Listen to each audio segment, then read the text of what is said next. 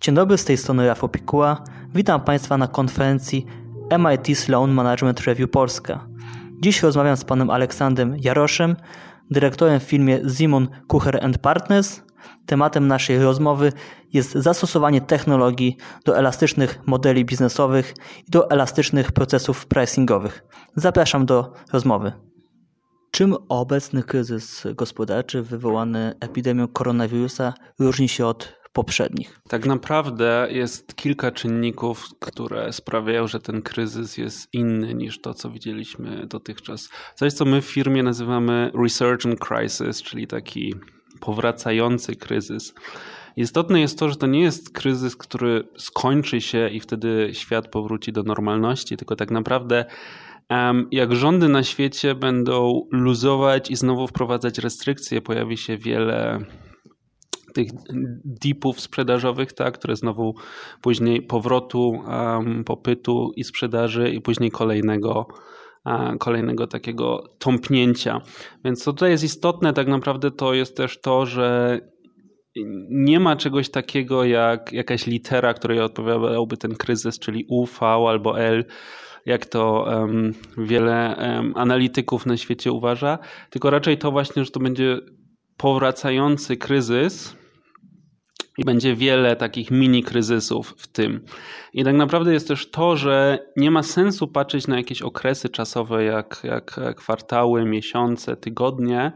Um, jedynym okresem, tak naprawdę, jedynymi dwoma okresami, które są istotne, to jeden to jest następne kilka tygodni i jak je przeżyć, a drugi to jest tak naprawdę między teraz a tym, kiedy szczepionka na wirusa będzie powszechnie dostępna na świecie. Jednym ze zdarzeń e, w wyniku tego kryzysu są ograniczone albo elastyczne budżety. E, firmy żyją w czasach e, niepewności. Czy w takiej, czy w takiej sytuacji, w dobie ograniczonych budżetów, nadal, są, nadal jest możliwe wsparcie dla kluczowych dla firm decyzji? Tak, nadal jest to e, możliwe, ale trzeba tak naprawdę podejść do zagadnienia kreatywnie i e, nie można spróbować robić biznesu inwestycji w taki sam sposób, w jaki dotąd się to robiło. Szczególnie jeżeli chodzi o, o budżety IT, to musimy spojrzeć e, na inne rozwiązania, które są, e, które mają niższe koszty, które można szybciej zaimplementować i które szczególnie ważne, szybciej dadzą nam jakieś mierzalne wyniki e, niż typowe narzędzia e, IT Enterprise, które są świetne i których jestem wielkim fanem, ale których nie da się szybko i niskokosztowo zaimplementować. Więc musimy tak naprawdę popatrzeć kreatywnie na rynek i wybierać e, sobie coś, co da nam szybkie rezultaty i też nie bać się podejmowania um, złych decyzji. Tak jak mówiłem um, w prezentacji, jeżeli platforma Shopify e, do e-commerce kosztuje 29 dolarów za miesiąc, to można spokojnie popełnić złą decyzję i w następnym miesiącu spróbować czegoś innego. Można powiedzieć, że wymagana jest pewnego rodzaju elastyczność e, biznesowa i możliwość ciągłej zmiany strategii. Jak e, wdrażać tę elastyczność biznesową i taką zwinną strategię w zarządzaniu infrastrukturą IT? Nie jest to proste, szczególnie dla, szczególnie dla dużych firm. Myślę, że najważniejsze to jest e, zmiana sposobu myślenia i podejścia do tego, do tego tematu. I też to, co jest zawsze ważne i co tak naprawdę powinno być standardem zawsze, ale niestety tak nie jest, to jest bliższa współpraca IT i biznesu. IT musi po prostu lepiej reagować i rozumieć potrzeby biznesu i szukać razem z biznesem rozwiązań do ich e, problemów, tak? I jakichś rozwiązań, które są w stanie wspomóc ten biznes. To jest, to jest jedna rzecz, a druga rzecz, myślę, że co będzie ciężkie do przełknięcia dla wielu, e, dla wielu działów IT, ale może trochę poluzowanie restrykcji i pozwolenie też e, pracownikom na korzystanie właśnie z jakichś rozwiązań, które sami w które sami zainwestują, oczywiście z jakiegoś tam budżetu, tak, ale bez długotrwałego procesu akceptacji takich, um, takich decyzji. Czyli stworzenie przez dział IT to trochę takich ram, żeby wszyscy mogli próbować ułatwiać sobie, ułatwiać sobie życie. Do tej pory w wielu firmach bardzo często e, działy IT były osobnymi silosami. E, nie było zbyt dużej współpracy pomiędzy marketingiem, działem IT, działem produkcji. E, czy uważasz, że w obecnym czasie, takim niepewnym, pełna transparentność i pełna współpraca jest drogą do przetrwania? Na pewno jest drogą do lepszych wyników w kryzysie. Czy jest to ta droga do przetrwania? Mm, pewnie nie ma tej jednej drogi, pewnie jest to dużo małych kroków, które należy zrobić, ale na pewno jest to coś, co pomoże nam reagować na ten kryzys, a, z, e, a nie widzę, w jaki sposób miałoby to, miałoby to zaszkodzić jakiejś, e, jakiejś firmie. I tak naprawdę w całej swojej karierze muszę powiedzieć, że widziałem raz tak naprawdę dział IT, który rzeczywiście w 100% rozumiał biznes i był podporządkowany temu, żeby, żeby biznesowi pomagać w codziennym e, życiu do takiego naprawdę do, do, bardzo szczegółowego poziomu. Więc to też myślę dużo mówi o tym, jak to wygląda w wielu, wielu firmach. Czy może Pan powiedzieć, jaka to była firma i dlaczego była ta ścisła współpraca? Jakie były też potem efekty tej ścisłej współpracy, żebyśmy mieli taki przykład? To, była, to był jeden z największych ubezpieczycieli, ubezpieczycieli kredytowych na świecie i tutaj tak naprawdę jeden z jego krajowych oddziałów w Europie. Właśnie tam było coś takiego, że dział IT po prostu współpracował bardzo, bardzo ściśle z kierownictwem tego działu i też z szeregowymi użytkownikami i tworzyli narzędzie, które w 100% odpowiadało potrzebom, e, potrzebom właśnie tego biznesu. Dlaczego tak było? Do dzisiaj się nad tym e, zastanawiam. E, dlaczego właśnie tam to się udało?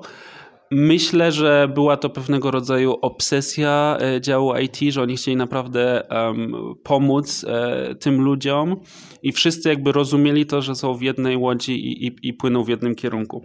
Jak jeden przykład taki, e, do jakiego poziomu oni, oni już doszli, um, to szef IT opowiadał mi, że na początku w call center nie mieli zintegrowanego systemu telefonicznego właśnie z tym narzędziem typu CRM, które sami pisali.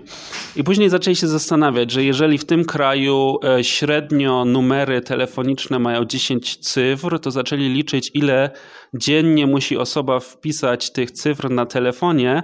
Podliczyli to sobie na cały rok i stwierdzili, że jest to tam kilka dni czy tygodni w roku na cały, na, na, na cały call center, więc tak naprawdę opłaca opłaca się zrobić tą integrację, żeby ktoś musiał tylko kliknąć i automatycznie wybierał się numer telefonu. Czyli do takiego poziomu szczegółowości już rzeczywiście dochodzili z optymalizacją rozwiązania dla biznesu. Ale jak mówię, niestety jest to, jest to wielka rzadkość. Wspomniał Pan, że udało się to między innymi dlatego, że wszyscy mieli świadomość, że płyną na jednej łodzi. W obecnej sytuacji wiele firm ma poczucie, że bez takiej współpracy, bez poczucia, że wszyscy, czy dział marketingu, czy dział IT płyną na jednej łodzi, nie uda się przetrwać e, kryzysu. Czy obecna sytuacja paradoksalnie może być szansą na przyspieszenie transformacji cyfrowej i na większą integrację procesów zespołów IT, zespołów marketingowych, na większe skupienie się na customer experience i generalnie na potrzebach pracowników i klientów? Tak, może być. Czy będzie?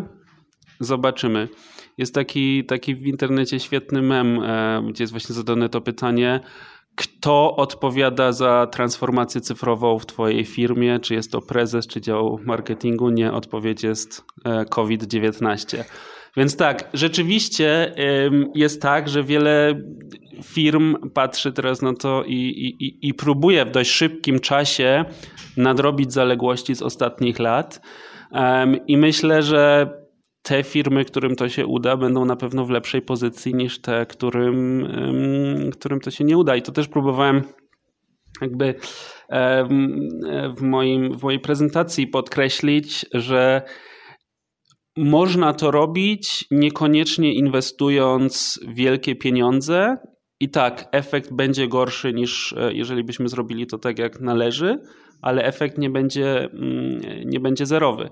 Więc odpowiadając na Pana pytanie, tak, jest szansa na to, Aczkolwiek to nie jest tak, że to na pewno się wydarzy. Dużo zależy od e, zaimplementowanej technologii.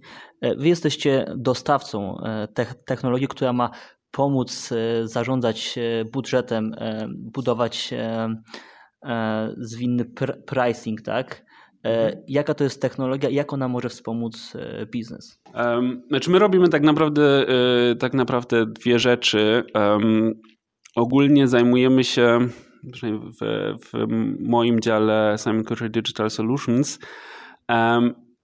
znajdywaniem i tworzeniem strategii systemowych dla naszych klientów, czyli zastanawiamy się, jaka technologia będzie najbardziej odpowiednia, żeby pomóc rozwiązać e, pewne, pewne problemy. I w wielu przypadkach jest to technologia, którą nazywamy off the shelf, czyli coś, co możemy coś, co możemy kupić, szczególnie jeżeli chodzi o narzędzia, narzędzia pricingowe. To są właśnie te wielkie e, inwestycje, o których mówiłem, ale z drugiej strony mamy też własne narzędzia, które odpowiadają na powiedzmy sobie mniejsze e, potrzeby, bardziej konkretne, e, bardziej niszowe potrzeby naszych klientów. Mamy własną chmurę tak naprawdę z takimi aplikacjami, gdzie już chyba jest 20 takich aplikacji, które na różnych etapach e, procesu cenowego są pomocne, od tak naprawdę analityki cenowej, która rozpoczyna wszystko, przez coś, co my nazywamy New Product Pricing, czyli wycena nowych, innowacyjnych produktów, które zawsze, które zawsze jest trudna, bo nie wiadomo do czego to porównać poprzez później e, tworzenie cen cennikowych, implementację tych cen w rynku i, i znowu monitorowanie tych, e, tych efektów. Czyli tak naprawdę mamy niszowe aplikacje, które wspierają każdy jeden element tego procesu. Wspomniał Pan, że e, przygotowujecie aplikacje w oparciu o realne potrzeby biznesów. Jakie są to największe potrzeby? Powiedział, że największą potrzebą wielu biznesów to jest niekorzystanie z Excela do, e, do podejmowania decyzji, e, decyzji cenowych. Naprawdę potrzeby wielu firm są bardzo, bardzo podstawowe. E, infrastruktura, infrastruktura techniczna i, i aplikacji do wsparcia decyzji cenowych, gdziekolwiek w tym procesie jest w wielu firmach tak naprawdę nieistniejąca albo bardzo, bardzo e, prosta. Tak? I tutaj e, nie widzę wielkich różnic tak naprawdę między firmami w Polsce a firmami gdziekolwiek indziej. Bardziej to chodzi oczywiście o, o wielkość firmy, chociaż są też duże firmy, które, które też mają z tym problemy. Więc tak naprawdę w wielu przypadkach są to, są to najprostsze problemy. Tak jak jeden z moich klientów e, na przykład teraz, w jaki sposób możemy, um, możemy reagować cenowo na zmiany e, kosztów albo na zmiany kursów um, walut. W tym momencie, tak jak to wygląda, ktoś musi zauważyć, że te koszty um, wzrastają, że zmienił się kurs walut i w systemie, który nie został do tego stworzony, zaimplementować te zmiany na podstawie jakiegoś Excela, gdzie sobie przeliczył e, impact. Tak więc to jest taka bardzo, bardzo podstawowa funkcjonalność, którą, którą potrzebują firmy i w wielu przypadkach są to tego typu problemy. Wasze rozwiązania i nie tylko e, wasze rozwiązania pricingowe są skuteczne, dlatego że opierają się na analityce danych, nie tylko danych historycznych, ale też danych rzeczywistych. Jak to w praktyce wygląda?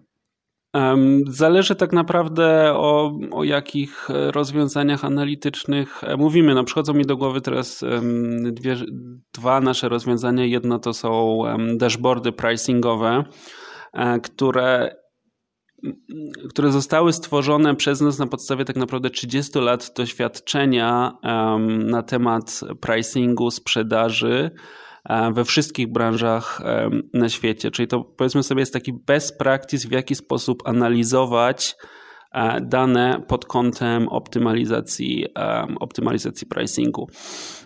I to rozwiązanie akurat mamy w wersjach albo takiej stand-alone desktopowej, która nie potrzebuje żadnej integracji, albo też wersji chmurowej, którą można zintegrować z danymi, z danymi sprzedażowymi w jakiejkolwiek tak naprawdę formie. Oczywiście im bardziej chcemy to zintegrować, tym, tym więcej na tą integrację wydamy, ale samo narzędzie może też tak naprawdę na, na, na prostym imporcie danych z Excela działać i mamy wtedy pięknie, pięknie rozwiązane e, i pokazane wszystkie, wszystkie problemy, obszary pricingu.